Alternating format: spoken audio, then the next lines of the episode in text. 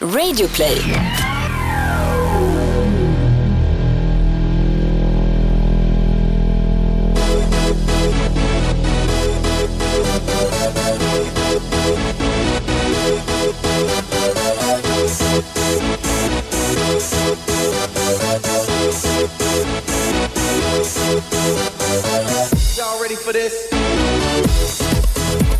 Vi inledde julveckan i Malmberget och eh, avslutar i Belgrad.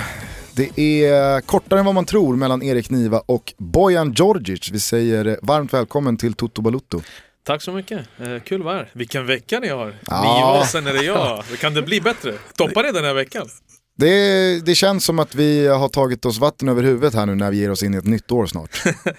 hur, vi ska, hur vi ska hålla den här nivån. Jag vet inte, Thomas, eh, det är ju ett senare problem. Låt oss istället nu fokusera på att Bojan är här. Absolut, det är klart vi ska göra det. Hur mår du? Eh, Jag mår riktigt bra faktiskt. Och jag eh, säger inte riktigt bra som alla andra man träffar ute på gatan. Utan jag är alltid ärlig. Jag mår bra för tillfället. Känner mig stabil. Känner att jag har hittat rätt någonstans. Och som sagt, 35 år snart. Jag har hälsan i behåll. Vad behöver jag mer? Och sen pratar jag om fotboll i tv. Fotboll är min hobby så kan det bli bättre? Vi får se 2017. Är du så pass harmonisk att du redan är klar med alla julklappar? Jag är så pass harmonisk att jag är klar faktiskt med alla julklappar och min oregelbundna arbetsschema gör så att jag är ledig ibland på morgnarna och när folk jobbar så kan jag gå och ränna runt i stan och slå in julklapparna vilket hjälper ju. Ruskigt svårt att tro att du är klar med julklapparna. Man lär Jag? sig. Ja. Ja, nej, nej. Nej, det är jag inte. Sen har vi, jag har ju två barn och one coming up eh, om en månad där. Eh, samtidigt som, eh, det tror jag folk har märkt, vi har haft ett ganska högt tempo på poddarna och sen gör jag ju andra grejer också. Eh, det, det, det är lite svårare för mig tror jag att få tiden att räcka till än till exempel för dig Gusten. Mm. Jag har eh, lite luftigare kalender, absolut. Sen är det ju så att jag har slutat äta också eh, de senaste veckorna totalt. Jag slevade i med en burk tonfisk här. Ja, jag såg det. inför. Ja. Därför du var stressad. Det var- Det långt ifrån vinlunchen i Rom Gusten. Ja, nej. Men det är också bra. Det tror jag alla gynnas av. vad, står, vad står på önskelistan då? Har du önskat dig något fint? Vet du vad, det är de här normala klyschorna. Eh, för mig, eh, julklappar. Kärlek eh, på något sätt. Jag menar att folk känner ett harmoni, ett lugn i ett hem. Att det här stressen som vi ibland känner att vi har i Sverige är lite överskattad. Så jävla dåligt, förlåt, förlåt att jag svär för er som jagar runt i skogen någonstans. Det är att vi alltid hittar negativa saker om vårt land. Vi har det väldigt, väldigt bra här till skillnad från andra länder. Så det här att julstressen ingår i det hela liksom, men det finns ju alltid lite tid för att man ska ta hand om nära och kära. Ja, eh, sanna jävla ord. Bra start från eh, Georgic alltså. Det känns som att vi kan ha en, en härlig stund tillsammans. Vi brukar börja avsnitten när vi har en gäst med en faktaruta. Så att eh, jag ställer ett frågebatteri, du svarar så ärligt du vill. Thomas eh, spelar in sig själv om man har någonting att tillägga. Senast eh, när vi hade med Erik Niva så tog det en timme och en kvart innan, innan faktarutan var eh, över. Vi får se om vi slår det idag då. Ja, de måste lyssna på den här podden när maraton då. Jag och Niva, det tar ju lång tid. Jo London men Mara. eh, vi ser efter alla som har lite julledigt här nu och har ett par dagar att slå ihjäl. Mm. Det här är vår Speciellt julklapp till bra. dem. Fullständigt namn, Bojan Djordjic. inga mellannamn. Inga mellannamn i Serbien, vi kör bara rakt in. Bojan. Är det, är det standard? Ja, det är standard. Okej. Ålder, 34. var är hemma för dig? Där mina föräldrar är. Och min flickvän måste jag säga också nu. Ja, en, en liten disco-brasklapp. Nej, men det är en liten disco. Men där mina föräldrar, det har alltid varit hem. Jag har bott i Belgrad, jag har bott i Sarajevo, jag har varit i Stockholm och såklart att det känns hemma när man plingar på och mamma öppnar dörren. Finns det någon stad som ligger dig liksom extra varmt om hjärtat? Eller någon stad där du har trivts Belgrad. bättre? Belgrad ligger det varmast om hjärtat tillsammans med Sarajevo där jag växte upp och kom till Sverige när kriget startade där i april 92. Men Belgrad med tanken på Röda Stjärnan som var min första kärlek och det är en stad jag gärna besöker. Gustav, du har aldrig varit i Belgrad va? Nej. Är det så dåligt? Jag var i Belgrad eh, för, eh, ja men det var fyra, fem år sedan, så drev jag en resebyrå och eh, då blev vi inbjudna till Belgrad av den serbiska eh, officiella liksom, resekonstellationen på något sätt. Och eh, vi visste inte riktigt vad som väntade oss, men vi, vi kom ner, landade i Belgrad och där stod då, ja, min, det var mindre ceremoni när vi kom. Och eh, sen hade vi då en vecka framför oss som blev helt otrolig. Vi fick eh, bland annat träffa om Serbien hade varit monarki fortfarande, det, han som hade varit då kung, Mm. eh, prins, kung, ja. Prata med lite engelskbrytning. Pratar med engelsk brytning precis, eh, jobbar väldigt hårt eh, för Serbien i andra länder så att säga, för, för eh, nej men, Ja, hur, hur, hur Serbien framställs. det ser bra utåt ibland men vi måste jobba inifrån först i vårt eh, lilla land och sen kan vi eh, gå utåt och visa folk vilka vi är. För att vi har tillräckligt med problem i Serbien just i dagsläget att folk alltid koncentrerar sig vad grannen gör istället för att man gör hemma själv. Mm. Måste säga i alla fall, en stad som jag gillade väldigt mycket var Novi Sad. Ja, jag vet, visste du skulle säga det. Otroligt fint Ja, det, alltså. är, det är bra klubbar, det är bra restauranger, bra kaféer och jag förstår Boulevarder, det. Boulevarden, stora. Ja, du sitter där på din stol och solen slår mot ansiktet. Jag förstår ju. Så Gusten, du, jag betalar din resa Gusten. Du måste komma ner. Fan vad fint. Du Bra måste julklapp. komma ner. Ja. Hade du någon namn på den här prinsen, kungen, figuren? Minns inte vad han hette, jag tror han hette Peter. För han har bott hela sitt liv i...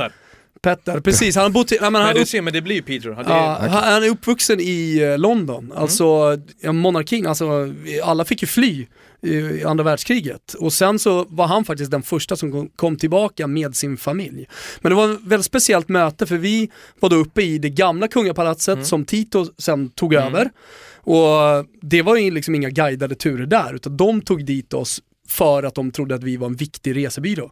Vi hade precis startat. ja, men det är bra. Det, det var, det du var fick liksom ju ingenting. bra käk, bra mat, betalar Ja, ingenting. men det, det var otroligt, så kom vi in där och de visade då ja, men det här lilla kapellet som fanns, skotthålen när, när Tito hade då Mm. liksom bara kommit in och tagit över. Och så kommer vi in då i, i det riktiga palatset eh, och helt plötsligt så bara slås portarna upp och han kommer ut. Så det blir ett chitchat där på tre minuter.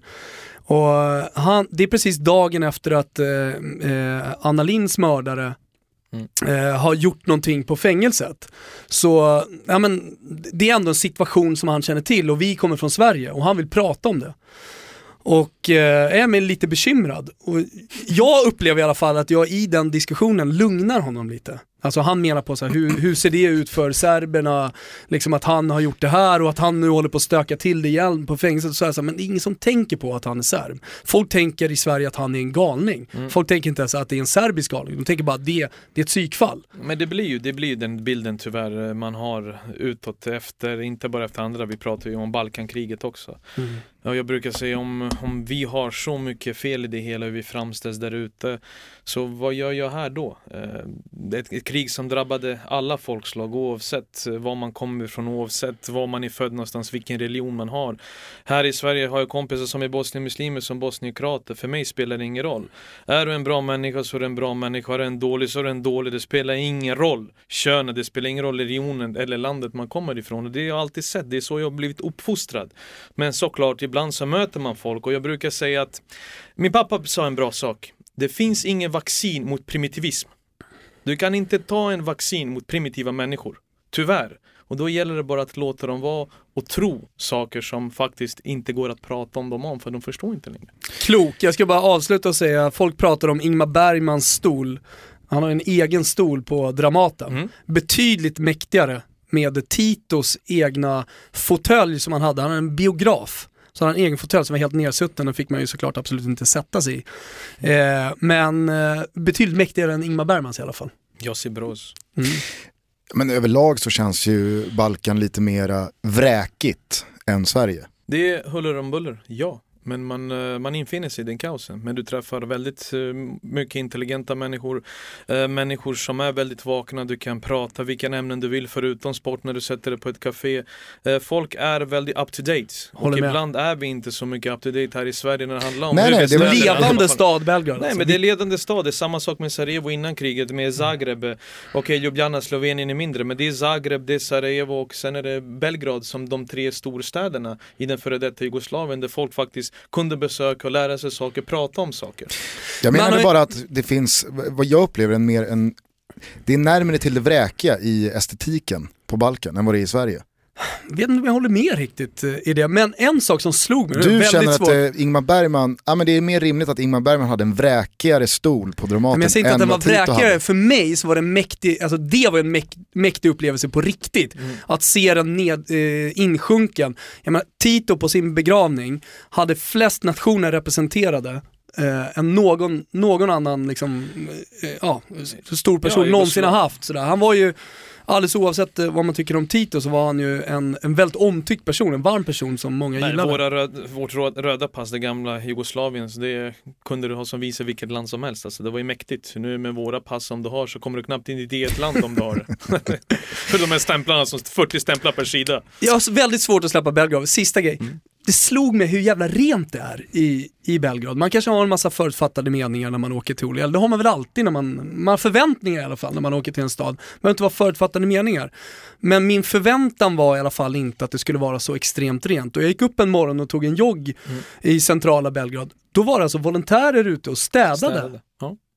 Men det, det är ju tyvärr den bilden folk har. Men Fritt wifi i hela stan. Balkan- Jo, om du träffar folk från Balkan så är vi väldigt ordentliga. Det är väldigt familjekära människor, är väluppfostrade som fortfarande reser sig på bussen när äldre kommer eller på tunnelbanan. Eh, och därifrån brukar jag säga, men spegla den bilden så är det fortfarande där nere trots att folk tjänar 300 euro per månad i snittlön. 300 euro. Och du ska överleva och betala hyror som det är i Europa. Alltså det är tufft. Får man fråga hur mycket svensk och hur mycket serb du känner dig som? Eh, jag eh, kommer alltid känna mig mer som en serb eh, in i min kropp. Jag har aldrig ljugit om det. Jag är född där nere, mina föräldrar är därifrån. Mitt blod är så. Sättet jag pratar, sättet jag blir engagerad när fotbollen berör mig är otypiskt svenskt på något sätt. Att det kommer rakt och ärligt. Men Sverige har gett mig så mycket. Det har gett mig en stabilitet. Eh, det har gett mig ett lugn och en möjlighet att utöva och göra det jag älskar mest av allt. Och det är spela eller prata om fotboll. Så den, när någon frågade mig om Sverige eh, Serbien nu, eh, dam-EM i handboll. Jag sa jag hoppas att det slutar kryss och det gjorde det ju. Så så mycket kan jag säga om det. Vilka språk behärskar du? Jag behärskar eh, serbokratiska, eh, säger jag nu, rent eh, engelska. Ingen indiska tyvärr, tamil är si och så med min tid i Indien. Eh, vad har vi? Svenskan har vi där. Danskan, men riktig danska, den från Jylland. När jag bodde i Århus, då kunde man inte klara sig med den svenskan. Och jag ville inte prata engelska för det kändes något fel att prata med min granne nästan. Så jag lärde jag mig den riktiga danskan under det året. Ja, jag tycker att det är lika jobbigt varje gång man kommer i Köpenhamn kontakt med enklare. Nej, Åk till alltså, Århus. Jag fattar ingenting. Åk till Århus. Jag satt där när Brensten Nilsen skulle förklara, han var lagkapten då. Jag tänkte att jag förstod ju ingenting. Så fick jag prata med honom, snälla kan du försöka på svenska? För du vet, du var ju i Malmö, du har spelat i Malmö också. Men så det är de. Eh, Tyskan, det är ju skoltyskan. Men jag klarar mig med det när jag åker till Stuttgart. Vår utrikeskorrespondent Danne Larsson, han har ju en egen tolk. Han spelar i Turkiet. Mm. Eh, Som hela tiden översätter. Det kanske hade varit något för dig då, där i början i Danmark. Ja i början, men det, det, jag gillar att lära mig. Du vet, Jag Mm. gillar kommarna som inte förstår någonting och snappa upp ord. För på så sätt blir du mer respekterad och visar att du faktiskt tar till dig den seden eller traditionen det landet har istället för att klaga. Annars var det väl så att vi som följde studiosändningen kunde höra dig snappa upp vad José Mourinho sa på italienska till Antonio Conte. Ja. Eh, hur är italienskan? Den, den känner du inte att du behärskar. Ändå Nej. kunde du höra Mourinho, Det kunde jag höra, men du har ju ord under den tiden. Serie A var väldigt stor i Jugoslavien, eh, såklart. Det var även Herun och Chris Doe. Eh, många kompisar som behär- behärskar italienska i den före detta Jugoslavien. Så att man snappar ord hela tiden och den är inte så olik spanskan heller. Så får man de här viktiga ledorden så vet man ungefär på ett fotbollsspråk hur man ska kunna översätta och gissa rätt. språkgeniet Bojan Djordjic. Vet ni för övrigt vem som eh, brukar vara standardspelaren på den som behärskar flest språk? Nej, det låter... Så eh, go-to guy vad det gäller... Exakt, svensk fotbollsspelare. Jag tror han behärskar nio språk. Vem är det? Är det Källström eller? Ja, det är Teddy Lucic. Ja, Teddy Lucic. Teddy Lucci Ja. såklart. Eh, bara en liten bonusinfo. Just det. Vilket eller vilka lag håller du på? Röda Stjärnan och AIK och eh, Manchester United. Finns det något lag du verkligen inte håller på som du kanske rent av föraktar? Partizan Belgrad. Raka rör. Favoritspelare genom alla tider? Uff, den är svår. Diego Armando Maradona. En spelare som du aldrig riktigt gillat? Som jag aldrig riktigt gillat. Uff. Ja, den, är, den är väldigt eh, tuff. eh, för det finns ju väldigt många man har... Väldigt många att välja mellan. Ja, du är ju Väldigt mött spelare, alltså. Nej men du vet, jag har alltid koncentrerat mig på de som jag faktiskt kunde lära mig något åt. Kanske hade det kreativ, för jag vet ju alltid att vara en kreativ människa, vilken arbetsplats än du har, så, bety- så måste du vara betydligt bättre än bara de här normala träbenen som bara ställer sig in i ledet. Men jag måste säga så att den här frågan blir ju annorlunda för Bojan då som har spelat, eh, som har varit fotbollsproffs, än om vi har med en journalist som hade med Erik Niva till exempel. Utan då går man ju bara till sig själv om, om det är någon spelare, eller någon spelare som man aldrig liksom riktigt har kunnat ta till sig. Någon tror jag var Disco sa, Cristiano Ronaldo, att han inte, aldrig riktigt Nej, gillat honom. om vi ska prata- Jag kan ju liksom bara från min egen karriär säga, Rille i GT76, det, det slår ju inte så jävla stort. Men Nej, alltså just nu i dagsläget, jag har aldrig tänkt på så, men jag har, all, jag har alltid haft svårt för Maran Fellaini. Mhm. Jag har haft svårt för honom, men sen till hans försvar på något sätt så spelade vi Everton helt annorlunda typ av fotboll där han var mer nyttig. Och när du ska komma till en större klubb som Manchester United, då syns ju alla de här felen du har med din touch när du ska spela en roll som är inte anpassad för dig. Du kan vara bra Premier League-spelare, men att spela i toppklubbarna för mig, då behöver du vara lite extra. Är det inte så också att Fellaini verkligen har fått klä skott för hur fel det kan bli när en, när en tränare värvar dig Inte och sen en. så lämnar den tränaren, någon annan kommer in och sen helt plötsligt så är man helt fel. Men jag, jag undrar också, det är inte bara, det är inte bara David Moyes. Även van Gaal har spelat med Fellaini, även Mourinho började med Fellaini. Och då tänker man, det jag menar med kreativa spelare, vänta du hade Michael Carrick. Och nu, när han är 35 år gammal, så inser man vilken fin fotbollsspelare det egentligen är i ett lag som Manchester United som behöver den här länken mellan försvar och mittfält och sen framåt. Vi har ju blivit färre och färre men jag sitter ju fortfarande i Fellaini-båten. Jag är team eh, Marouane alltså. Du är team, ja, du måste, du måste vara emot Ja, strömmen. det, ja, det guppar jag, ordentligt jag, ute jag på har vårt hoppat hav. av från hans båt för länge sedan, jag var inte ens inne på, jag vill inte ens skriva Nej, vi öser som fan i våran båt. Skrovet, Det är bara skarva. är, skrovet är inte intakt Men där. Gustav, han är inte ens bra på att nicka alltså. Du vet, jag tänker på det, det är bara att han är lång ibland det är han och Svante. Samuelsson. Vet Alltså du, långa men kan inte nicka. Fast Ändå jag- skickade AIK långt på alla, i alla lägen på Svante. jag måste dock säga att eh, det är få spelare i världen, det är en väldigt liten del av fotbollen, jag är medveten om det, men det är få spelare i världen som är bättre på att ta ner bollen med bröstet än vad Fellaini är. Eh, Nästa fråga tack. Intressen Verkligen. utanför fotboll. Om vi pratar om idrott, då är det basket. Jag älskar basket och det är det den här serbiska genen kommer in någonstans. Jag följer Euroleague, jag kollar på allt möjligt som är basket att göra. Röda Stjärnan går bra också, vilket är mer intressant. Vi är bättre än Partizan Belgrad för tillfället. Och om folk är verkligen intresserade av stämning i en baskethall, köp en biljett till Belgrad och se Röda Stjärnan spela. Kolla vilka jävla restips det här scener. programmet blir. Nej men det är sjuka scener inne i hallen. Det är över 20 000 supportrar och hallen gungar. Och då är det en upplevelse, oavsett om man gillar basket eller inte, att bara se det. Om vi hittar tiden, får vi följa med dig på en basketmatch i Belgrad? absolut. Kanske under samma resa som Bojan har lovat här. Då. Men förlåt, det här är ingen, vi ska inte prata så mycket basket, men jag vill ändå höra Bojan, för basketen ligger också eh, nära eh, mitt hjärta. jag har alltid gillat basket. Det gör den visst det. Jag är ju fan eh, assistant coach i svenska landslaget med en av mina bästa kompisar. Aldrig hör, jag har aldrig hört dig prata basket på fyra år. Nej, för jag pratade basket med dig, för du kan ju ingenting Nej. Om basket. Min morsa har spelat elitbasket i över 20 år. Jo, fast du jag är från en gillar jävla basketfamilj. basket. Ja. Nu är alla från basket, alla älskar basket. Ja, basket är helt plötsligt alla, ska bara, nej men, eh, va, har du någonting att säga om den svenska basketen? För någon, det, det är på väg att hända grejer, liksom med, med Djurgården och AIK som gör sin grej, alla är helt övertygade att de, de kommer ta klivet upp till ligan. Vad tycker du liksom om svensk basket? Ekonomin.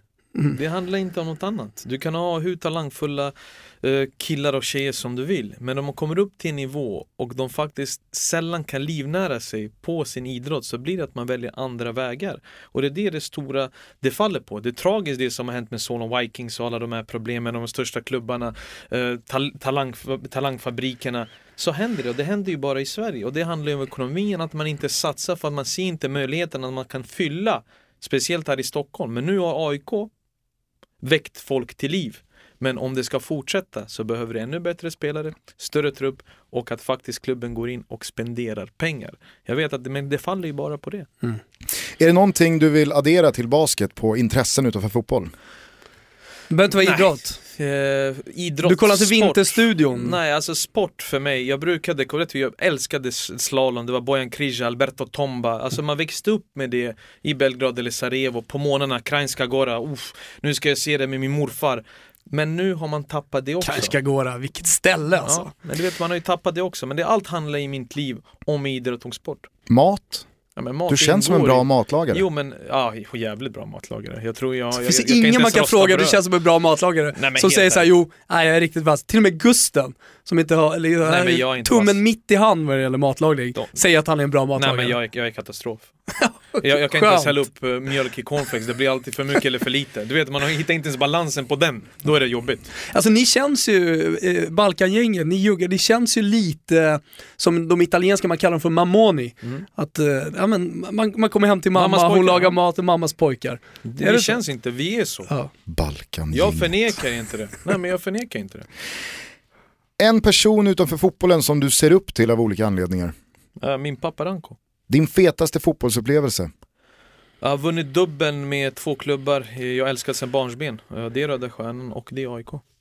Som åskådare, har du någon, något, något minne liksom där du har suttit på läktaren? Liksom? När jag träffade Dragan Stojkovic i spelartunneln på Maracana stadion med min morfar och pappa innan kriget, eller innan Dragan Stojkovic lämnade Röda Stjärnan för Marseille. Det var en mäktig upplevelse. Jag gick runt med nummer 10 på ryggen i Sarajevo då som Röda Stjärnans supporter trots att Sarajevo har två klubbar i den högsta divisionen. Det var något speciellt att träffa honom, att han ska lyfta mig och bild med honom och få hans matchtröja då. Det var Har du kvar bilderna? Ja, jag har kvar bilderna, jag har kvar tröjan. Jag tror till och med för något år sedan så la ut eh, den tröjan för att folk ska verkligen se. Det är inte bara snack alltså. Jag har varit i Röda Stjärnan AIK sen, sen barnsben.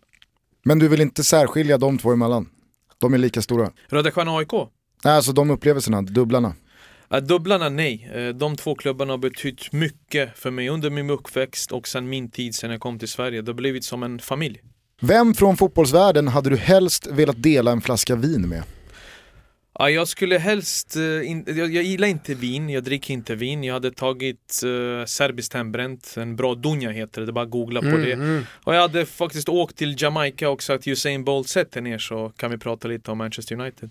Oväntat. Två United-supportrar emellan. Nej men det var, du vet, det var Michael Jordan men sen Usain Bolt, alltså hans, alltså leende och hur lätt han tar på saker och ting och sen han är en sån fantastisk idrottsman. Har du eh, någon gång hittat in på hemsidan www.whatthefuckismichaeljordanwearing.com Det har jag faktiskt inte gjort. Gör det, det är ett tips till alla som hör det här. Det var mycket fritid Väl, alltså. väldigt roligt, Ja, mycket fritid. väldigt Ja, många mycket- roliga bilder. Se vad Jordan har dykt upp Men i jag hade för velat se outfits. också Boca River med Diego Maradona bredvid sig. Man måste hålla i honom så att det inte ska ramla ner för de där branta läktarna när han jublar. Nej, det där hade varit en upplevelse. Den här frågan har jag sett fram emot. Eh, Det var mitt mäktigaste- svar när jag gjorde faktarutan Var också. det? Ja, Ja. Mäktigaste numret du har i din telefonbok? Mäktigaste numret. Du får gärna ställa några mot varandra också, så kan vi... Du får resonera högt här. Ja, Resonera högt. Ja, jag har ju, men du vet, ja, ja det är Sir Alex. Det är det mäktigaste absolut numret som jag aldrig slår. Jag kanske skickar ett god jul-sms. Men sen när man sitter här som jag så blir det, äh, vadå Sir Alex? Det, det kommer ju folk som kommer säga det, men det är så. Men inte på sms-stadiet. Nej, inte på sms-stadiet. På sms-stadiet skulle jag säga att Nemanja Vidic har betytt eh, väldigt mycket. Uh, rumskamrat i Röda Stjärnan, blev kapten i Manchester United och sådana människor som har fötterna på jorden och aldrig, han har aldrig trott att han var bättre än vad han är utan utnyttjat sin talang maximalt. Sådana har jag stor respekt för. Är du tatuerad? Nej, Eh, pappa säger fortfarande nej trots att jag är 34 år gammal. Så det blir ett nej. Men eh, alltså du får inte? Du nej, vill? jag får inte. Du vill? Jag har velat men jag får inte. jag älskar Och det är pappa Men jag det tycker ändå liksom såhär, för, för Bojan och, och mig, vi är typ samma ålder, så tåget har ju gått för tatueringar Nej det har ju gått, nu blir det så här klimakteriet, vad ska jag gå, jag är 35, Ja, exakt. klimakteriet redan. Thomas har ju en suddig brax på ryggen. Om du nu trodde att det, alltså han försökte säga att han inte heller är tatuerad, men det är jag. Ja, jag glömmer ju ofta bort den. Snyggaste fotbollströjan genom tiderna? Röda Stjärnans första, rött och vitt, för det betyder så mycket, du vet, det var en dröm. Alltså du ser de här människorna på tv, du lyssnar på radion. Det kändes så långt bort och min pappa fick spela i den tröjan och så plötsligt är du där. Det är inte längre en dröm, det är inte längre spel på gården med dina kompisar utan du står i den här tunneln inför 60 000 människor och ska möta din största ärkerival Partizan Belgrad.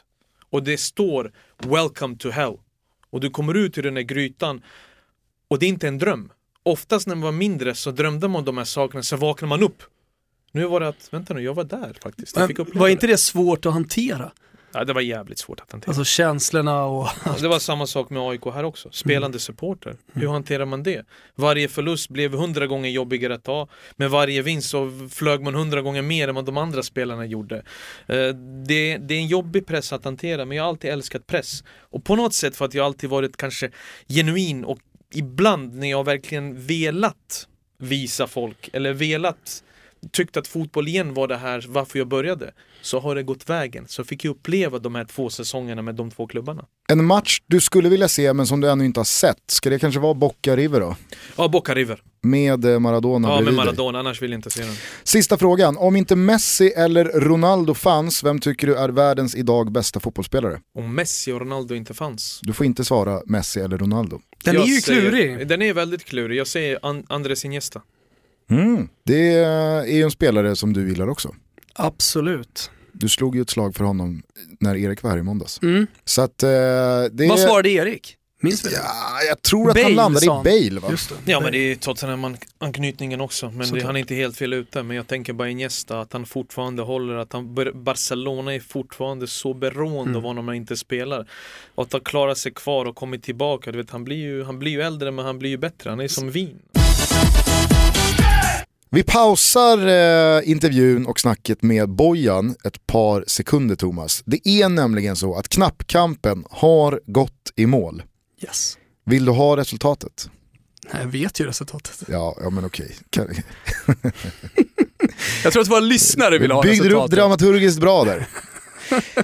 Nej men du har ju klarat det. Ja. Du har ju klarat det. Vi har skickat bilden till Grand Frank, till Top Dog Olof som har kommit med utlåtandet. Det ser helt okej ut. Mm. Grattis får man väl säga.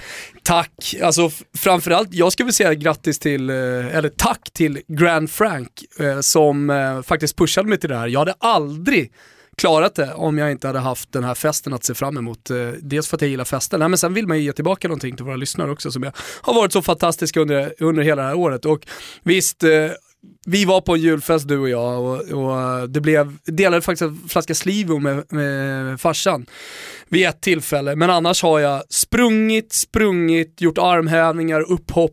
Det har blivit mycket. Senast på ICA Kvantum blev de sista tio armhävningarna i Kungens Kurva.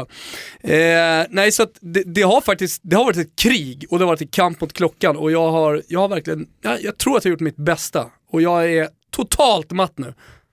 Ja, det, det, det förstår jag. Du har gjort dig eh, Blek. oerhört förtjänt av Ja. att eh, knäppa upp byxorna och äta vad du vill på julbordet. Ja.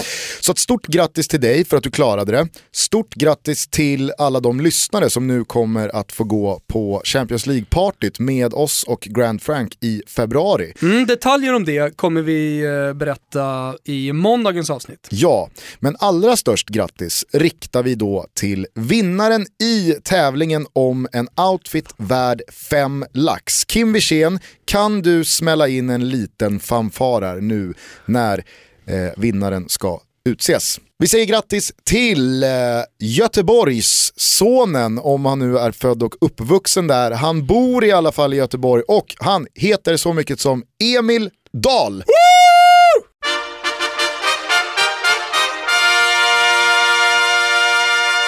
Han har alltså vunnit en eh, outfit värd fem lax. Ja, och eh, Top Dog Olof hälsar att det är bara att höra av dig så fort du hör det här Emil till olof at grandfrank.com. Så hinner den komma innan nyår också om man vill ha nyårssviden. Precis, eh, grattis till alla, grattis till fan knappkampen som eh, movement. Vi ska hitta på någonting nytt. Det är Ja. inte slut här. Det kommer ett nytt år, det kommer en ny månad eh, och Grand Frank, ja de får fan se till att vara med oss då också. Verkligen. God jul och eh, gott nytt år och grattis eh, till alla vinnare. Framförallt dig då, din buk.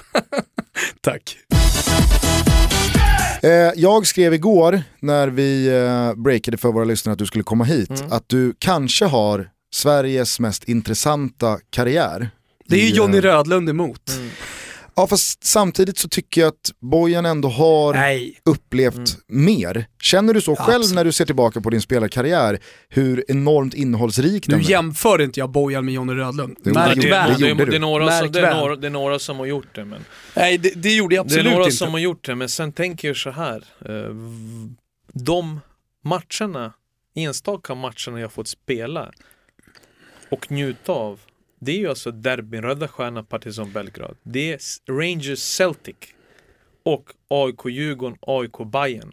Det är inga små matcher och även bara att du har spelat de tre bara så skulle det räcka för att jag skulle säga fan det här är mer än vad jag någonsin kunde hoppas på eller drömma om när jag faktiskt började spela fotboll. Men det är det som är så jävla intressant med din karriär och det, det jag tror också Gusten eh, liksom menar på att det, det, är en av de mest intressanta karriärer som, som har funnits att gå från supertalang och sen så då liksom, kan man ju säga att du, du har följt ditt hjärta genom hela karriären. Eh, med Stjärnan precis som du är inne på mm. och, och med AIK. Eh, var vill du börja någonstans Gusten? Vill du inleda det här? Uh... Ja, nej, men jag tänkte väl bara i, i, i generella svepande termer med Bojans ord. När du ser tillbaks på karriären så känner du det jag menar lite här att den är väldigt innehållsrik, den är väldigt speciell eller den är, är, är det för dig? mycket eh, platser och så. Sett det... mycket platser, omklädningsrum, olika tränare. Uh, hur komplexa fotbollsspelare är egentligen, hur tuff egentligen bransch det är och när man byter från storklubbar till mindre klubbar, vilken faktiskt skillnad det är på intelligensnivån även för spelarna. Jag kan tänka mig också att uh, när du nu Ja, alltså, man ska väl aldrig säga aldrig med dig, det kanske dyker upp eh, ett... Indien och man ska proppa in eh, fickorna med dollar igen. Och, du vet, det finns ju, men jag håller med dig. Men samtidigt, ja, supertalang, det borde ha blivit bättre än vad det var. Eh, det borde ha blivit mindre känner klubbar än vad det var. Jag känner inte så, men jag kan förstå att folk där hemma kan tycka så. Men samtidigt har de inte varit i mina skor. De har inte gått igenom min resa med skador, eh, med depression, med ångest när saker och ting inte går emot och du är där själv sedan du var 17 år gammal. Det jag tar med mig är att jag blev vuxen, jag blev stark, jag trodde ännu mer på mig själv och lärde mig att tro på sig själv. Ska inte avgöra om jag spelar i Manchester United eller i Bury. Nej, nej. Det, det, Men det är många är som är så. Klok lärdom. Det är många som är så. Så får jag inte säga vad jag tycker för att jag inte spelar i samma klubb som Zlatan Ibrahimovic då är det bara fel. För folk kan komma med en vettig åsikt trots det för att de har sett hur saker och ting fungerar. De har en erfarenhet av olika klubbarna och jag har alltid varit vaken. Jag har alltid velat lära mig.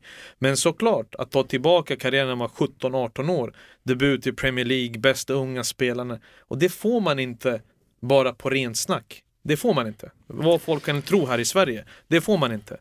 Men att ta sig tillbaka, alla skador jag haft, och de har inte varit, det har inte varit sträckningar. Det har varit ruptur på hälsenor, det är korsband, det är ingen menisk i knä, ogben, käke, näsa av. Och jag behövde alltid den här halvmetern som jag tappade mer och mer per skada. För jag var aldrig blixtsnabb. Och besvikelsen av att inte vara i en stor klubb tar också tid att hantera när man står där med träben. Och det var så jag såg på vissa av mina lagkamrater till exempel i Plymouth.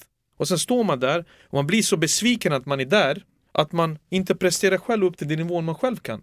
Så man är till och med värre än vad de är. Men i sitt huvud så är man world beater, alltså man är, man är bäst. För våra yngre lyssnare så började det ju här, eh, det här proffsäventyret med att eh, Brommapojkarna och Grimsta IP blev Manchester United och eh, Old Trafford.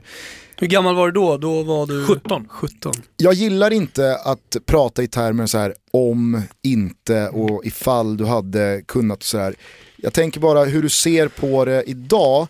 Eh, hade du gjort någonting annorlunda med, eh, med ålderns eh, lärdom i, i efterhand så här? Eller, får, eller var, det, var det en no-brainer? Nej, det är bara ett nej. Ett fet nej. Och jag säger inte det här för att skydda mig själv för att jag ska göra mig själv större utan jag kände att tiden var inne. Och jag åkte inte till Manchester United för att peta Ryan Giggs. Så dum i huvudet är jag inte. Och jag vet att folk här där hemma, vissa tror det. Men så dum är jag inte. Utan jag ville få en fotbollsundervisning. Jag ville gå till en fotbollsskola som skulle göra min, mitt touch ännu bättre, mitt tillslag ännu bättre och få mäta det i den bästa akademin med de bästa spelarna i England och se hur långt jag kan nå. I Sverige tog det stopp. Jag vet många killar med invandrarbakgrund kommer till mig och säger det är tufft nu i Stockholm och det är klubbar och hur många var det på min tid ibland frågar de. Det var inte många alls. Jag fick hoppa över ännu större hinder och ännu större häck för att nå dit jag skulle. Jag kände att hade jag stannat i Sverige, jag kanske inte hade spelat fotboll så länge som jag trodde just på den nivån. Med tanke på att jag blev inte kaxig när jag flyttade till United. Jag trodde på mig själv ända sedan jag kom till Sverige. Du kan ringa mina ungdomsledare. De kan nog tycka att jag var värre då än vad jag var, än vad jag är nu. Men det är ju att kunna förklara, ringa folk vänster och höger. Men jag ångrar ingenting Gusten, vad jag gjort i min karriär. För de har format den till den killen jag är. Hade du gett eh, samma råd till eh, en 17-åring idag? Eh, Jag hade gett rådet till att åk med dina föräldrar, med dem du litar på och se vad är det den klubben erbjuder dig. Jag åkte till Manchester United, även om det var världens bästa klubblag under den tiden. För de hade en riktigt bra akademi. De hade kunniga... Tittade du på andra alternativ också? Jag tittade på andra alternativ. Jag hade ju Bayern München, Liverpool, Tottenham. eh, Alla de här stora klubbarna med bra ungdomsakademier. Men Manchester United erbjöd mig helt något annat. Du vet när du landar på flygplatsen som 17-åring i de andra klubbarna. Jag tror inte att Sir Alex Ferguson står där med sin fru och väntar på en 17-åring som ska in till akademin. Jag tror inte någon annan manager gör det i Tottenham, Liverpool eller Bayern München. Jag tror det är kanske sportchefen eller ungdomsansvariga som väntar på det. United gör, gjorde allting på den tiden rätt. Du hade privatchaufför till träningarna, du bodde hos en riktigt bra familj, en fin del av Manchester, kläderna tvättade, maten var på bordet, till och med så att de tog in folk och tog dem till biografer, eh, till skolor vi gick till. Alltså allt var ju, det enda jag behövde göra, det är att vakna på morgonen och allt annat var fixat. Så förutsättningen var alltid där. Och mådde du dåligt så kunde du alltid knacka på hos den största chefen av dem alla. Och jag brukar säga till de andra tränarna i Sverige som känner stress, vänta nu. Sir Alex kände aldrig press eller stress. Trots att han hade sju- 70 stycken professionella spelare på Carrington. Och hade alltid tid. Men här i Sverige så kan de inte ibland ge en intervju. Åh, vad det är så mycket stress och press inför matcherna. Ni tränar två timmar om dagen. Och vad tränar ni på egentligen? Slå bollar mot hörnflaggor. Och så har du inte tid för att, nej det vet, men det är... Ner i struten. Ner i struten med bollen. Men Gusten, alla vill ju spela hur är ni som lag? Ja, vi rullar. Det är den enklaste, värsta klyschan jag hört i mitt liv. Vi rullar. Var rullar ni någonstans? Från back till back till back till back, kommer lite press så kommer den längre upp spelet. Beskriv hur det var när du kom till United. Alltså, vad, vad, var det, vad var det på schemat där? Vad var det på agendan? Vad fick man lära sig? Man fick lära sig respekt, disciplin och att oavsett hur, hur stor stjärna du var så var du fortfarande del av Sir Alex Fergusons hus. Du fick inte sätta dig vid bord med dina egna eller jämnåriga. Alla kunde sätta sig var de precis ville. Så vissa dagar så sitter du där och äter lunch med Paul Scholes eller Roy Keane. Eller sitter du med personalen. Han ville verkligen att alla skulle lära känna, sig, var- känna varandra. Det var inte free seating. Nej, nej, men alltså du vet, ska du ta, ska du ta klivet upp till A-laget så att du skulle känna dig bekväm. Att alla kunde morsa på varandra och en sån stor klubb skapade en familjär känsla som det kändes mycket mindre av vad det egentligen är. Och det visades också på de resultaten klubben hade under tiden. Fa- fanns det någon, eller finns det någon spelare från den tidiga tiden när du kom till Manchester United som du fortfarande är god vän med? John O'Shea. Eh, Vi bodde ju i samma hus, i Diggs som det heter. Vi hade landlord, landlady. Eh, Jag och han bodde tillsammans och vi har kontakt än idag. Eh, Jag försöker snylta till mig biljetter på Sand- Sunderland-matchen nu som är på Boxing Day. Så. Men jag sa till honom, ingen Sunderland än, så får kolla.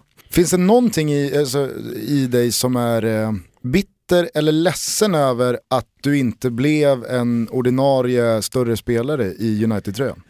Det enda jag kan känna lite besvikelsen för med den eh, talangen. Eh, talang är man tills man är 50. Talang för mig är någon unik egenskap man har. Jag hade en bra touch, en bra vänsterfot, kunde se en passning, slå ett inlägg. Även när jag var riktigt dålig så kunde jag träffa någons panna och det kunde avgöra en match. Det som jag är lite besviken över mig själv för att jag inte tog tag i bitarna som skulle göra så att jag skulle kunna undvika ibland vissa av de här skadorna och bli en bra Premier League-spelare. Jag, brukar, jag snackar inte om Manchester United, men att spela i Hull City eller Stoke eller den typen av spelaren vet jag fortfarande idag jag skulle kunna bli.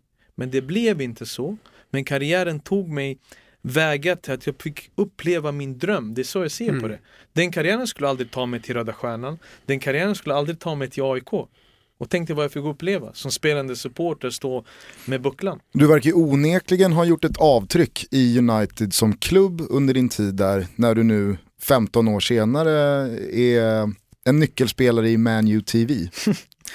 Men det är det eh, vad jag brukar säga, det är att jag kanske hade blivit, jag blir bedömd som en människa. Rak och ärlig, kunde haft mina bråk, kunde haft mina tjafs. Men jag snackade aldrig skit om en lagkamrat. Jag betedde mig aldrig illa bakom, utan jag var Bara jag, jag var Bojan. Mm. Jag var ingen någon annan. Och sen såklart kontakten jag hade med spelarna, det går än idag. Och det är det som värmer mig. Att det är människan, Bojan, de tänker på när de ringer eller när jag får spela de här matcherna med veteranerna. Trots att jag är mycket yngre än vad de är. Det värmer. Och det är stort för mig. Och då kan jag säga, ni kan tycka vad ni vill där hemma. Jag får uppleva det. Jag får fortfarande skaka hand med Dwight York och Andy Cole och snacka om 3-3 mot Barcelona. fint anfall Jo, alltså. men jag kan fortfarande snacka om Barcelona borta när det slutar 3-3 när de hoppar över ut till Beckham, Beckham inlägg. Alltså det finns ju så mycket minnen. Och att bara sitta med de människorna och se, det finns ingen prestige. Det- värmer verkligen. Den bojen jag känner kan jag tänka mig inte hade några problem med att säga sitt hjärtas mening rakt i ögonen och i ansiktet till alltså, vem som helst. Men fanns det några spelare och några personer som till och med du, Jag hade Backade svårt för? bara på en. Nej, jag hade svårt för en spelare bara. Jag hade svårt för Fabian Barthez. mhm, Eh, Eh, jag vet inte varför, det måste ha varit någon enskild enstaka sak jag såg att han inte ville skriva på någon match så det är en boll som låg där uppe, att han inte tog sig den tiden. Och för mig, det blev bara fel. Och när jag ser, även om det är en liten grej, så fastnar det i, i bakhuvudet. Så det var den enda människan jag hade väldigt svårt att säga god morgon till, var Fabian Barthez.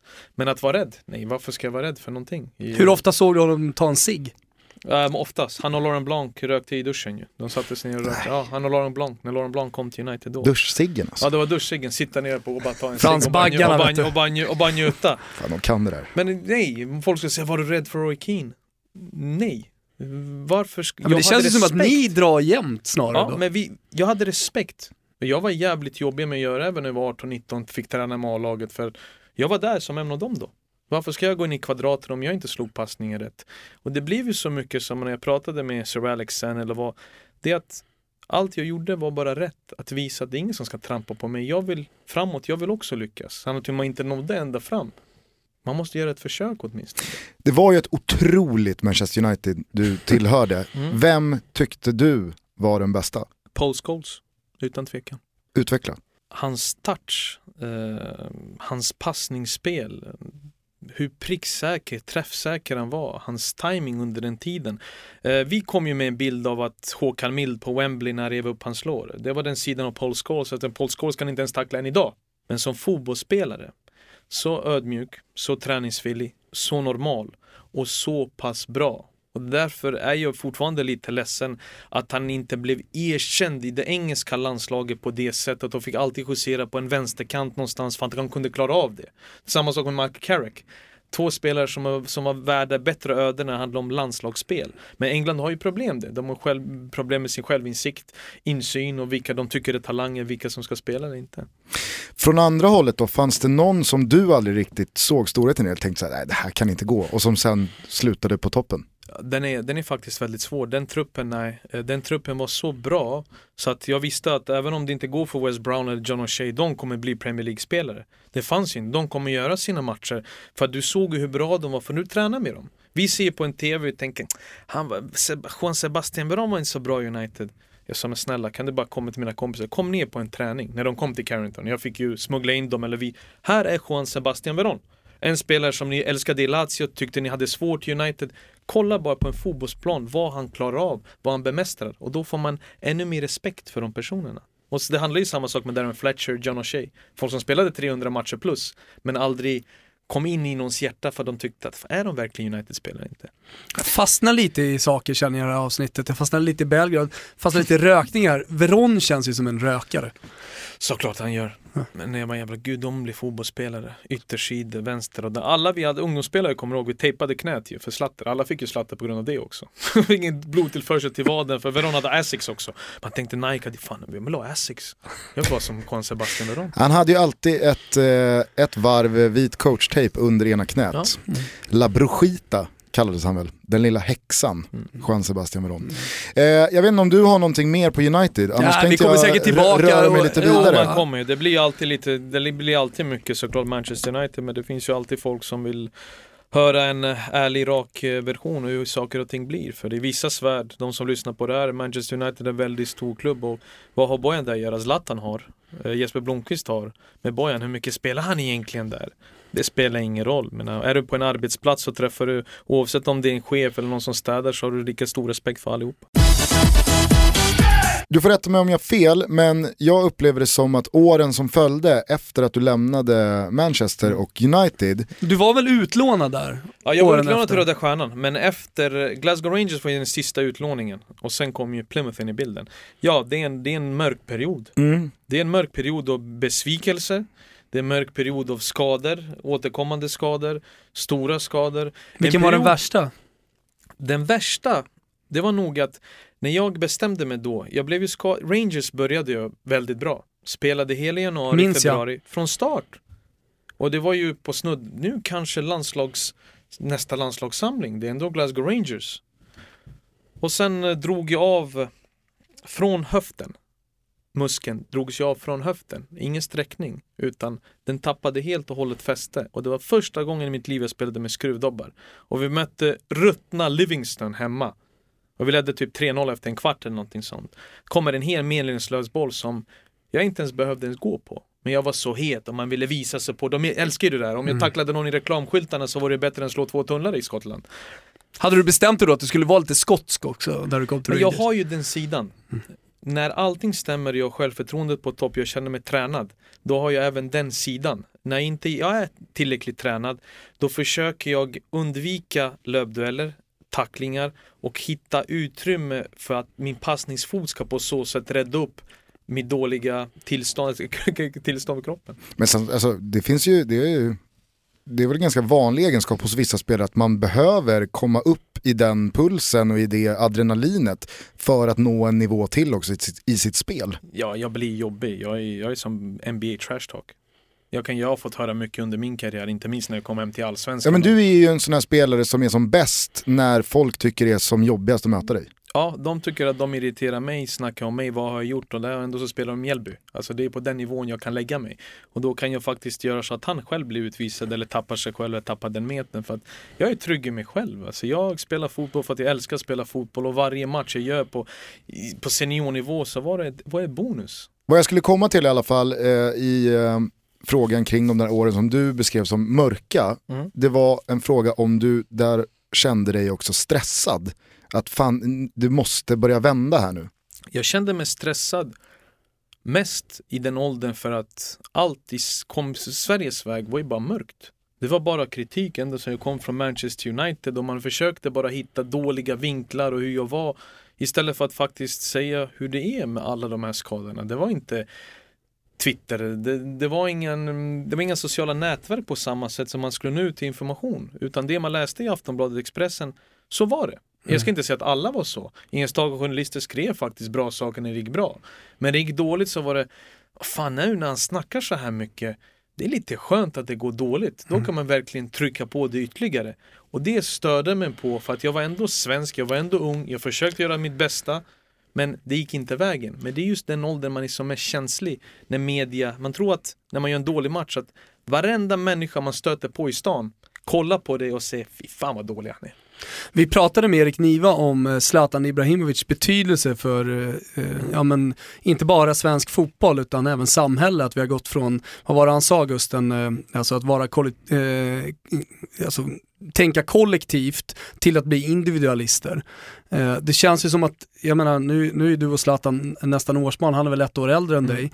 Eh, att ni på något sätt är ganska lika varandra.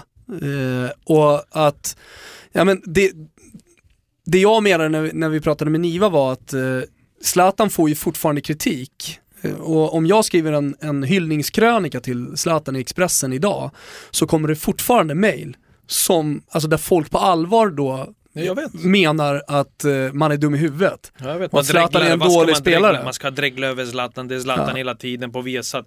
Men det är nog våra... Men jag menar Ja. så här, han har ju ändå, alltså så här, ja, han har gjort allt det han har gjort. Men det måste vara jävla tufft att få den skiten när det också går tungt, när man får de här skadorna. Jo men jag brukar alltid säga till de yngre, eh, om Zlatan kan få fortfarande kritik i det här landet, vad har vi normala för chans då? Det är bara att infinna sig i det på något sätt. Mm. Jag, jag kan fortfarande inte förstå, vad om du gillar honom eller inte gillar honom, han har åstadkommit saker som ingen svensk fotbollsspelare har gjort. Varför? Djokovic blir hyllad som den världsstjärna han är varje gång han vinner någonting när han är världsetta. Och de hyllar honom, det blir aldrig nog. Han är på varenda... Man öppnar en cornflakespaket, Djokovic hoppar ut nere i Serbien. Eh, han är på, i varje reklam, eh, tv-inslag, det spelar ingen roll. Det är Djokovic, Djokovic, Djokovic. Här så fort Zlatan gör mål och vi ska prata om Zlatan, så blir det, det räcker nu med Zlatan. Men vad är han någonstans? Är han svensk eller inte? Ska inte vara stolta över en av få världsartister faktiskt vi har i det här landet. Det måste vi göra. Hur tog du dig ur det där mörkret? Eh, så här Gusten, jag gjorde eh, tre mål på tre matcher i Plymouth. När jag verkligen tänkte nu ska jag ta tag i mig själv. Jag är ingen målskytt. Men det stämde. Gud nej. nej. det ska vi återkomma nej, till. Nej, nej, jag har aldrig varit en målskytt. För att de där tre målen, det är ju mer än hälften av eh, alla mål du har gjort. Ja, det är ungefär, ja det är hälften ungefär. Någonting sånt. Ja, det kan det vara. Men fortsätt. Uh, tre mål på tre matcher under månaden. Uh, blev vald till månadens spelare då i Championship. Och så fort man har varit United-anknytning, att det var en klubb som inte ville släppa mig, trodde på min talang, en, inte det sista. Och då började det väcka till liv. Då började det prata om Premier League igen, återkomsten och allt. Sen mötte vi West Bromwich eh, december, ska jag väl minnas också, ja, runt jul någonstans. November, december 2006. Efter 20 minuter så skulle jag hoppa upp i en luftväll och nästa gång jag öppnar ögonen så är jag på sjukhus. Så hade min gamla lagkamrat Jonathan Greening gett mig en våldsam armbåge där jag bröt näsan, ogbenet och käken. Det var så våldsamt. Det är en rejäl smäll. Det är en rejäl smäll. Jag har ju titanplattor från näsan ända ner hit så det, det är inget finns, det här, eh, finns de här på YouTube de här bilderna? Nej jag tror inte på YouTube finns ju nästan ingenting. Har du sett nästan. dem i efterhand? Jag såg dem när vi gick igenom vissa klipp och den var ju väldigt våldsam. Visst, jag öppnade upp mitt ansikte och kom i full fart och skyddade inte mig heller. För han såg kanske inte vad som hände men man ska ändå inte armbågen så högt upp och den ska ändå inte gå emot någons ansikte. Gult kort? Eh, han fick eh, gult kort fast jag blev utburen på bår. Men England 2006, eh, gult kort var ju som rött kort på den tiden i Championship. Min eh, ganska så svala fotbollskarriär, den dog ju också med en skada. Det var en bruten fot, mm. eh, slog en passning, öppnade upp och så kom det en kille med sträckta sulor mm. och fick foten avsparkad. Men jag fick inte frispark för att min, min lagkompis han stod ju två meter offside. Så att, det, blev, det blev offside istället. Nej men sen, sen sätter man sig ner och det, det var den första gången i mitt liv eh, jag såg min pappa gråta. Mm. Eh, för att man kunde inte operera sig direkt när jag kommit eftersom det var svullnaden var jag tvungen att gå ner. Men tänk efter, det är inget ben där, ansiktet hänger på den vänstra sidan. Och pappa tog i flyget direkt. När han såg mig, alltså även om det var på lång avstånd så fällde han tårar. Så illa var det. Han är en stor, stark, jag har aldrig sett honom, alltid tagit hand, alltid varit den här stöttepelaren jag alltid behövt. Men när han släppte det, då, då var det illa för mig. Mm.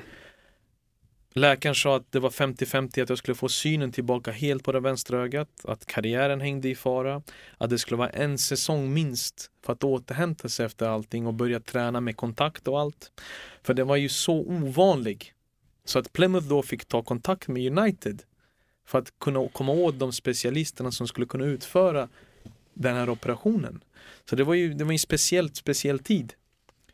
Och då satt jag där, pappa åkte hem och jag skulle ta mig tillbaka. Och jag hade ångest. Jag, jag, jag var deprimerad. Jag låg i sängen bara. Jag ville inte äta, jag ville inte gå ut. Jag skämdes hur jag såg ut. Jag skämdes över allt, hur min karriär hade, vad den hade förvandlats till. När den där skadan sker så kan jag tänka mig att United är eh, en, eh, kanske den bästa klubben som finns då att ha en relation till. Att de fortfarande tar hand om en. Det gör de. Jag spenderade, ändå, eh, jag spenderade ändå eh, fem, eh, fem år, till och med sex i deras organisation. Och jag hade ju, när jag lämnade för Plymouth då 2005 på sommaren, jag hade ju fortfarande två år kvar på mitt kontrakt. Jag hade kontrakt som sträckte sig till 2007, sommaren 2007. För någonstans så trodde de att jag kommer nog hitta rätt, jag kommer vakna upp, börja göra rätt saker. För det fanns en spelare man skulle kunna använda. Men blev inte så. Men den tiden, ligga i en säng det är mörkt, man orkar inte ta sig upp, eh, man börjar fundera på sitt liv, sin eh, karriär. Eh, man kan inte ens kolla på tvn, man orkar inte svara i telefon när föräldrarna ringer sen och allt är bra. Man pratar med mamma i två sekunder.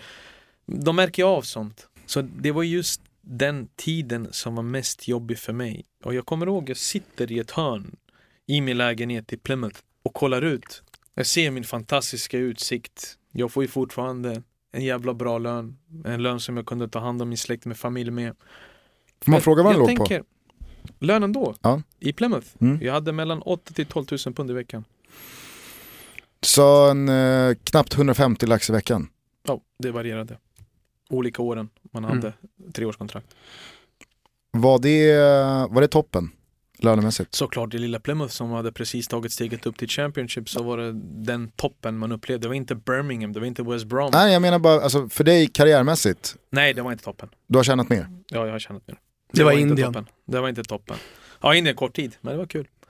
Men vet att ta sig upp därifrån när man sitter där så grabbar, det, det, det är inte enkelt. Det, man tycker synd om sig själv, alla är emot en, världen är emot en själv. Och då kom det bara en sak, jag tänker, vad fan är du för man? Vad är du för människa? Vad har du varit uppfostrad till? Du har du uppfostrad att stå upp för dig själv, oavsett hur det går. Det finns ett liv utanför fotbollen. Det finns ett liv utanför idrotten. Ska du tappa dig själv som människa och hamna i de här svackorna? När du har allting. Du har en familj som bryr sig om dig, som älskar dig. Du har nära och kära, du har dina vänner. Du har upplevt mer än vad folk som kritiserar dig gör. Och ändå sitter du här. Och då tog jag på mig faktiskt mina saker, tvingade mig gå ner för de här trapporna och gå ut. Och första gången då på ett bra tag möta folk. Att gå runt bara på gatan, jag fick ju chock och frisk luft. Men då bestämde jag mig, jag kan inte vara här längre. Jag måste hem. Jag måste hem till Sverige. Jag åker hem till Stockholm. Och jag hade turen då att min telefon ringde och det var Rickard Norling. Gav mig möjligheten att hitta mig själv igen. Och du vet med Rickards prat och metaforer, samtalet tog ju fem timmar. Vi kunde ju vara klara på 12 minuter. Men han skulle förklara och du vet jag fick ju bara en känsla att han verkligen bryr sig om mig som människa. Han har ju följt mig under så långt tag så att han prickar rätt på sakerna han säger och vad jag just då behöver. Och då var det för mig att även om, eh, jag brukar säga till Ola Andersson när jag jobbar på Viasat, även om ditt kontrakt var väldigt dåligt jämfört med var jag kommer ifrån och vilka jag ska spela med så skriv jag under här för att jag vill göra mig själv rättvisa och göra någonting bra av det här, den tiden som är kvar. Trodde du att du eh, flyttade hem för gott? När du åkte hem till Sverige då? Jag trodde, jag hoppades att jag skulle flytta hem för gott. Jag var alltid den killen med levde med klubbkänsla. Det var Röda Stjärnan för hela slanten och jag fick inte vara kvar i Röda Stjärnan för ekonomin och de hade inte nog och det var ju lönerna var försenade även om det var en stor klubb. Det var någonting man det är svårt att infinna sig i. Men i AIK tänkte jag nu har jag hittat hem. Nu hoppas jag att jag skulle vara kvar här även om jag är truppspelare till slut. Så kan, kan de få användning av det hjärtat som brinner för den här klubben och för de här supportrarna. Det finns någon de förstår sig på och som har varit bland dem men nu är på en fotbollsplan. Men det är ju också den moderna världen, moderna fotbollen, hur mycket plats tar jag när jag inte spelar och inte spelar. Så jag trodde att jag hade, skulle stanna i AIK för gott, men det blev inte så.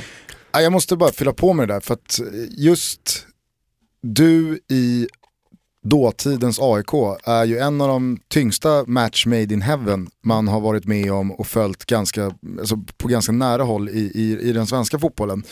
Kände du själv att fan det här är så jävla rätt? Det kändes rätt eh, från dag ett. Den gången jag klev in på Karlberg eller första träningspasset på Skytteholm fast det var minus 15 grader och folket som kom ner bara för att se mig träna. Det kändes rätt. Det kändes rätt för att jag behövde alla ord som kom från min mun var bara genuina, raka och ärliga och fyllda med kärlek. Ibland när man sitter i vissa intervjuer så svarar man på ett visst sätt. Jag har aldrig gjort så.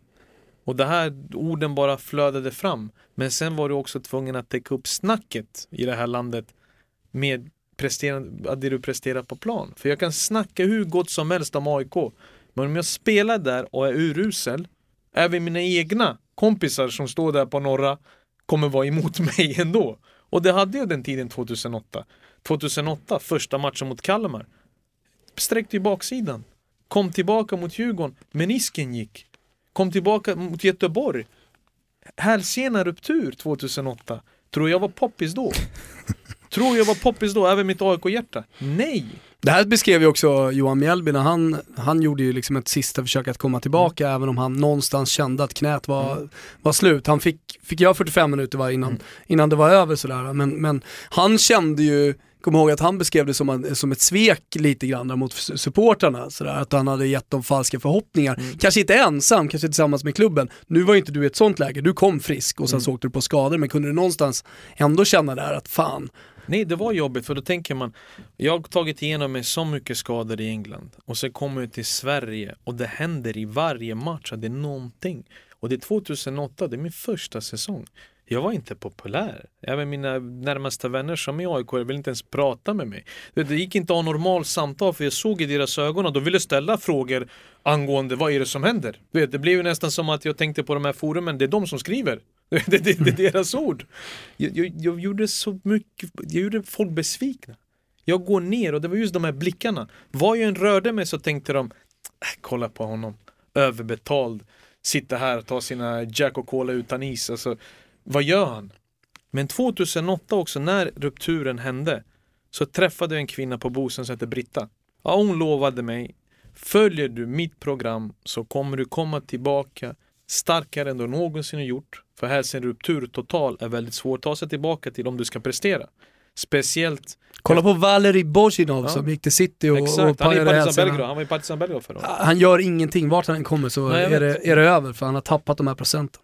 Och hon sa till mig, jag, jag kommer hjälpa dig. Och du vet, jag, som jag bara, ska jag göra det verkligen? Ska jag gå upp varje den här vinterdagen? november, december, januari, februari Åka till Bosön? Ska jag åka från Solna till Bosön varje morgon för att göra tåhävningar?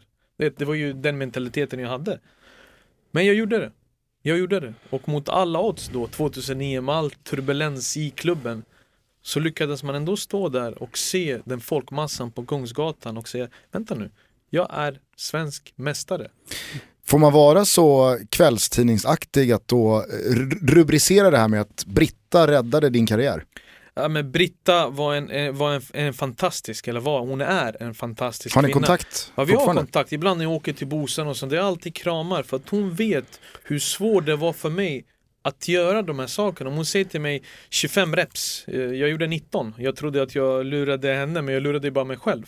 Men jag gjorde varenda grej, även om hon inte var där och inte kollade. Jag gjorde det för jag tänkte, jag ger det en sista chans. Det här går inte komma hit och vara så här misslyckad som 2008. Det funkar inte. Något måste hända. Jag är en ledare, om jag tar ton i omklädningsrum då ska mitt snack också kunna matcha det och prestera ute på en träningsplan.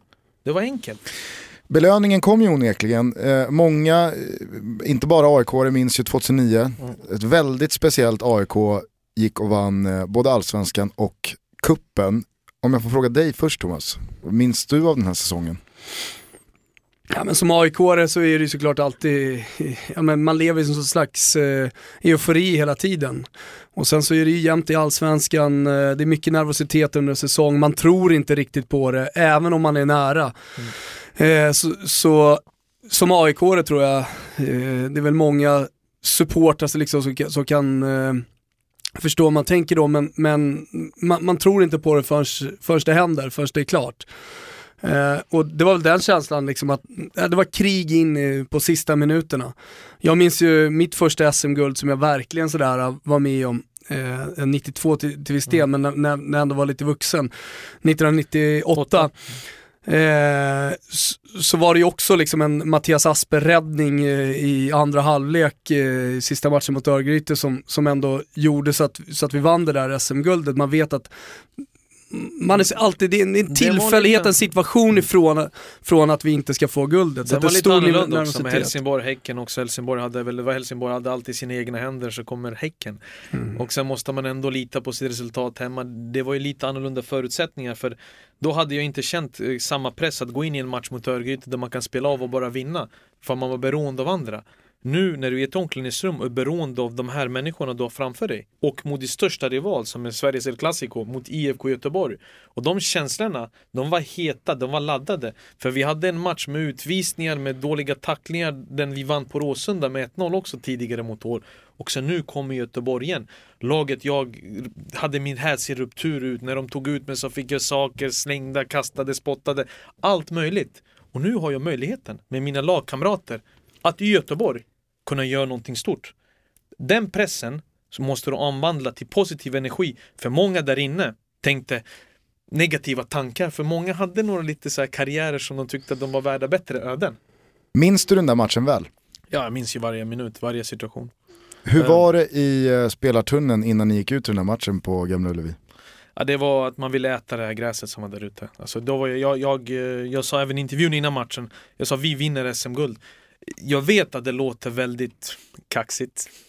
Men känslan bara, när, när jag såg i mina egna ögon, jag såg i ögonen på de andra spelarna. Vänta nu, vi vet, det här är i våra händer. Vi låter inte det här gå.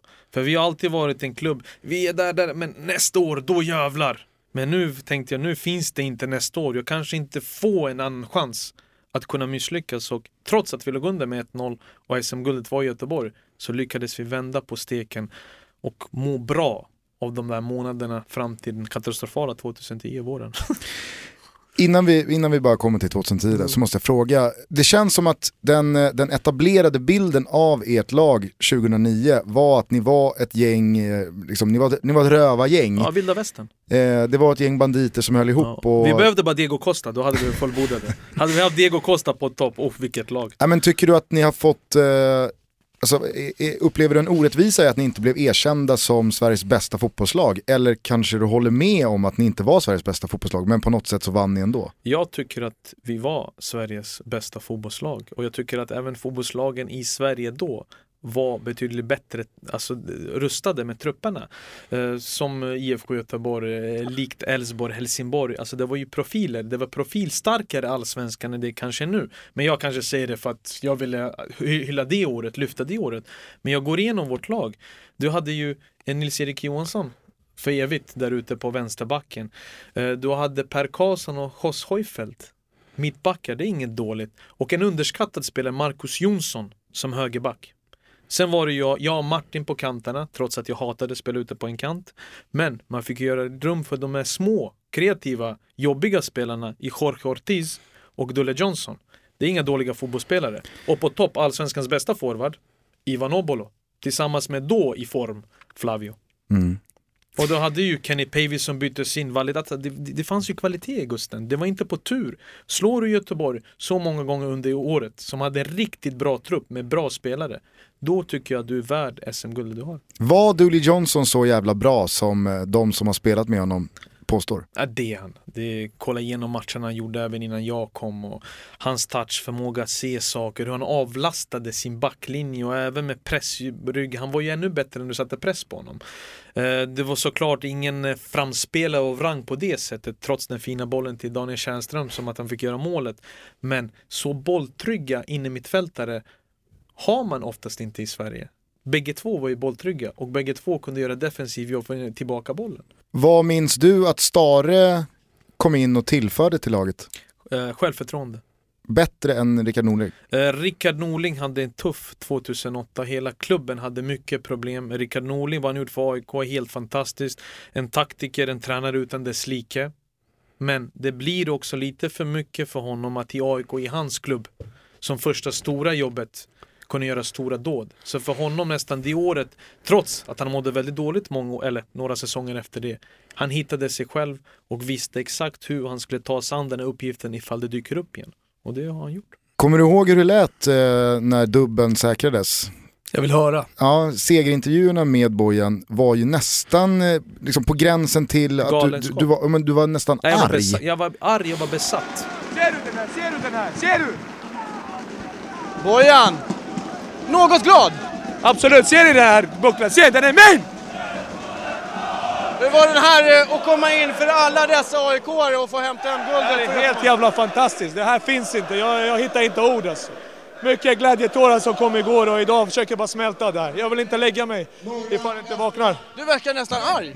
Ah, fy fan, jag är inte arg. Jag är bara glad och lättad att äntligen få göra något rätt under 27 år. Det kan ju inte vara första gången, andra nej, grejer. nej, nej, absolut. Men det här är det största jag upplevt. Det här är min klubb. Hur, hur är det att få komma in inför din klubb och verkligen presentera det största, första gången på 11 år? Det här är helt fantastiskt. Det är det största som har hänt i, mina, i mitt fotbollsliv alltså. Vet du varför? Helt ärligt, nu när jag ser, jag vet att jag gjorde en intervju också i omklädningsrummet med Jonas Dahlqvist. Jag sa till Jonas, jag kan be om ursäkt för den intervjun. För du tycker att, vissa tycker att man ska vara glad när man vinner. Men Varenda tidningsblaska jag öppnade, varenda intervju ni frågade min, eh, du blev vald till Sveriges mest överskattade spelare, spelarna har röstat. Jag sa spelarna, anonymt. I Sverige ska alla rösta anonymt. Ge mig namn på dem då. Ge mig deras namn, så ska jag fråga dig, är jag verkligen så överskattad? Om jag står här med pokalen och du sitter och gråter i ditt omklädningsrum. Och det är ju den här genen som jag har i mig. Ibland. Jag orkar inte hela tiden bara ta steg tillbaka, ja men jag borde gjort si och så. Ja, jag sa bucklan är min. För att jag visste hur många av de anonyma tomtarna som spelade i Allsvenskan då, hur de mådde när de satt hemma och satte på sin TV. Fan vad svenskt ändå med anonyma spelaromröstningar. Men det är alltid. Så Så jävla över- överlägset. svenskt. Överlägset. Och, och det var, jag kommer också ihåg, det var garva alltid till Nisse. Så här, svaga länk. Jag bara, men Nisse kolla, ja du är de svagaste länkarna. Vad, vad kan vi svara? Om man ser det på förhand, ingen av oss var tillräckligt snabb. Men så, så mycket upp i huvudet, hur vi står rätt och vad vi gjorde. Det finns ju fortfarande ingen ytter som har dribblat av Nils-Erik Johansson trots att han är 48 år gammal idag. Nej. Många har försökt. Många har försökt. Men det var ju snudd på galenskap. För alla de här känslorna ibland, det omvandlades senare till eufori.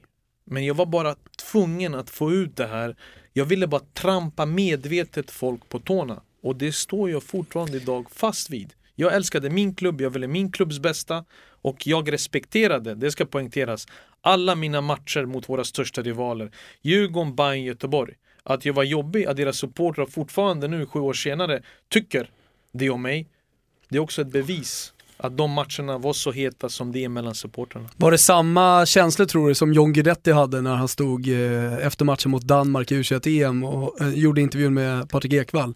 Alltså det, det lät som, alltså, det, det fanns vet. mycket inom honom. Det fanns mycket, men det fanns mycket inom honom och det kan jag likna med. För att man inte kan hålla tillbaka känslorna. Ge det med micken, jag vill se exakt det jag tänker på. Vissa kanske tar ett steg tillbaka, tänker jag vill tacka de här supportrarna, jag var fantastisk. I efterhand jag borde gjort det. Men just då verkar det så rätt. Att kunna äntligen få ett rätt i det här landet och säga, vänta nu, svensk mästare, det är ändå någonting, även om det är allsvenskan. Sen kom ju 2010. Mm. Eh, jag, jag kan tänka mig att du är en, både en person och en fotbollsspelare som inte ångrar så jävla mycket. Men jag måste fråga, ångrar du den här eh, kom och ta oss-grejen?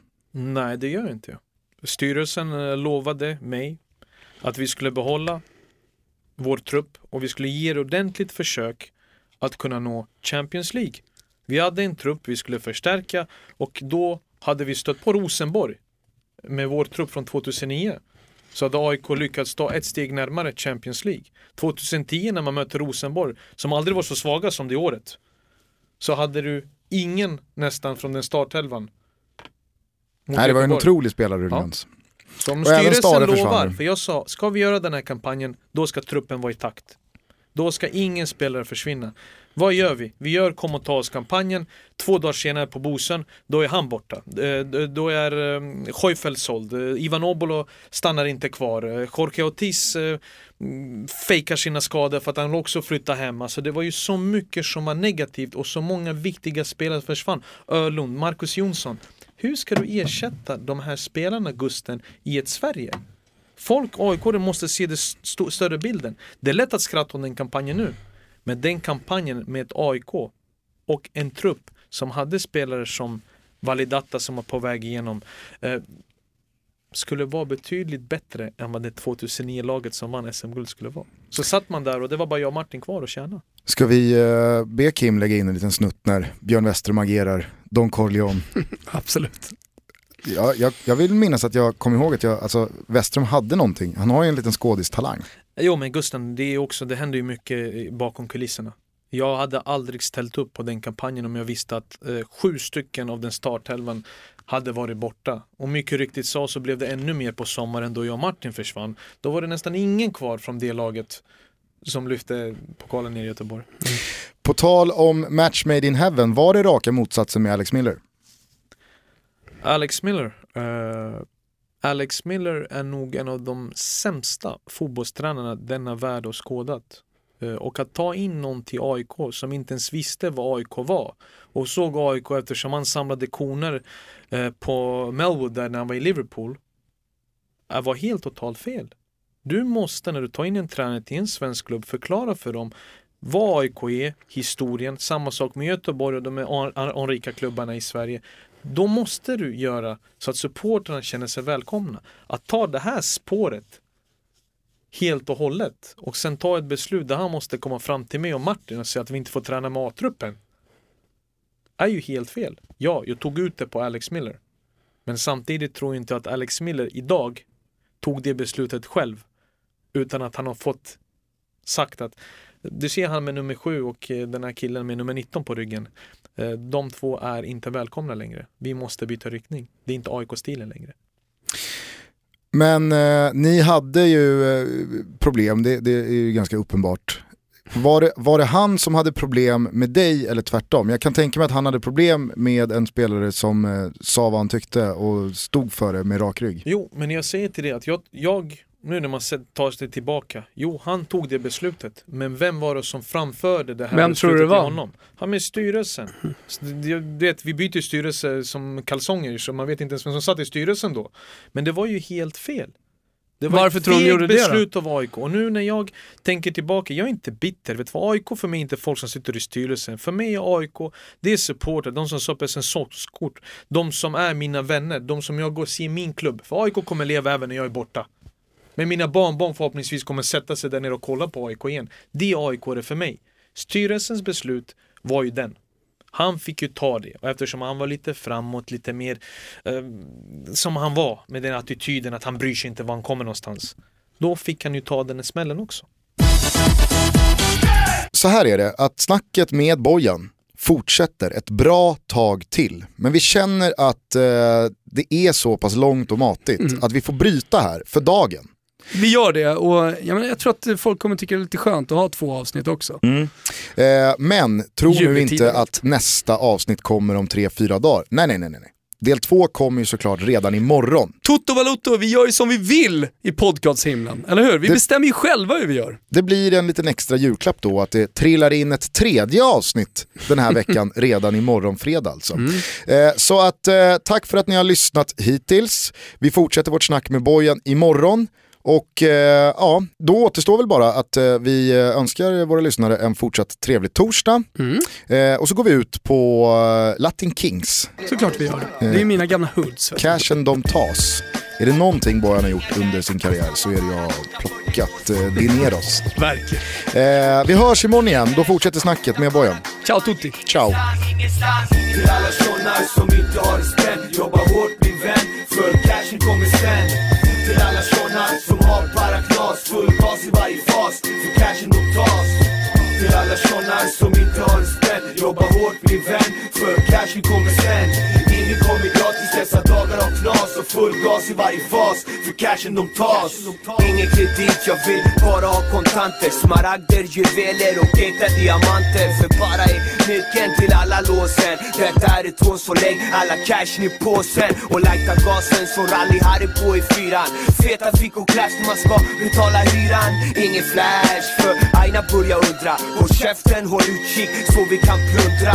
Sena nätter för i betongen man hassla Kanske du kan konstnå få fickan och prassla. Minns hur panka brukar vara. En dröm om bättre tider. Sitta på bänken, mecka och vända sidor. Jobba hårt, inget kommer gratis dessa dagar.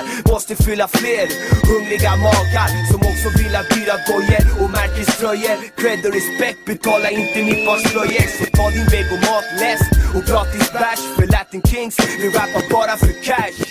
Till alla såna som inte har det spänt Jobba hårt, min vän, för cashen kommer sen max som har bara knas Full gas i varje fas, för cashen de tas Till alla såna som inte har en spänn, Jobba hårt, min vän, för cashen kommer sen.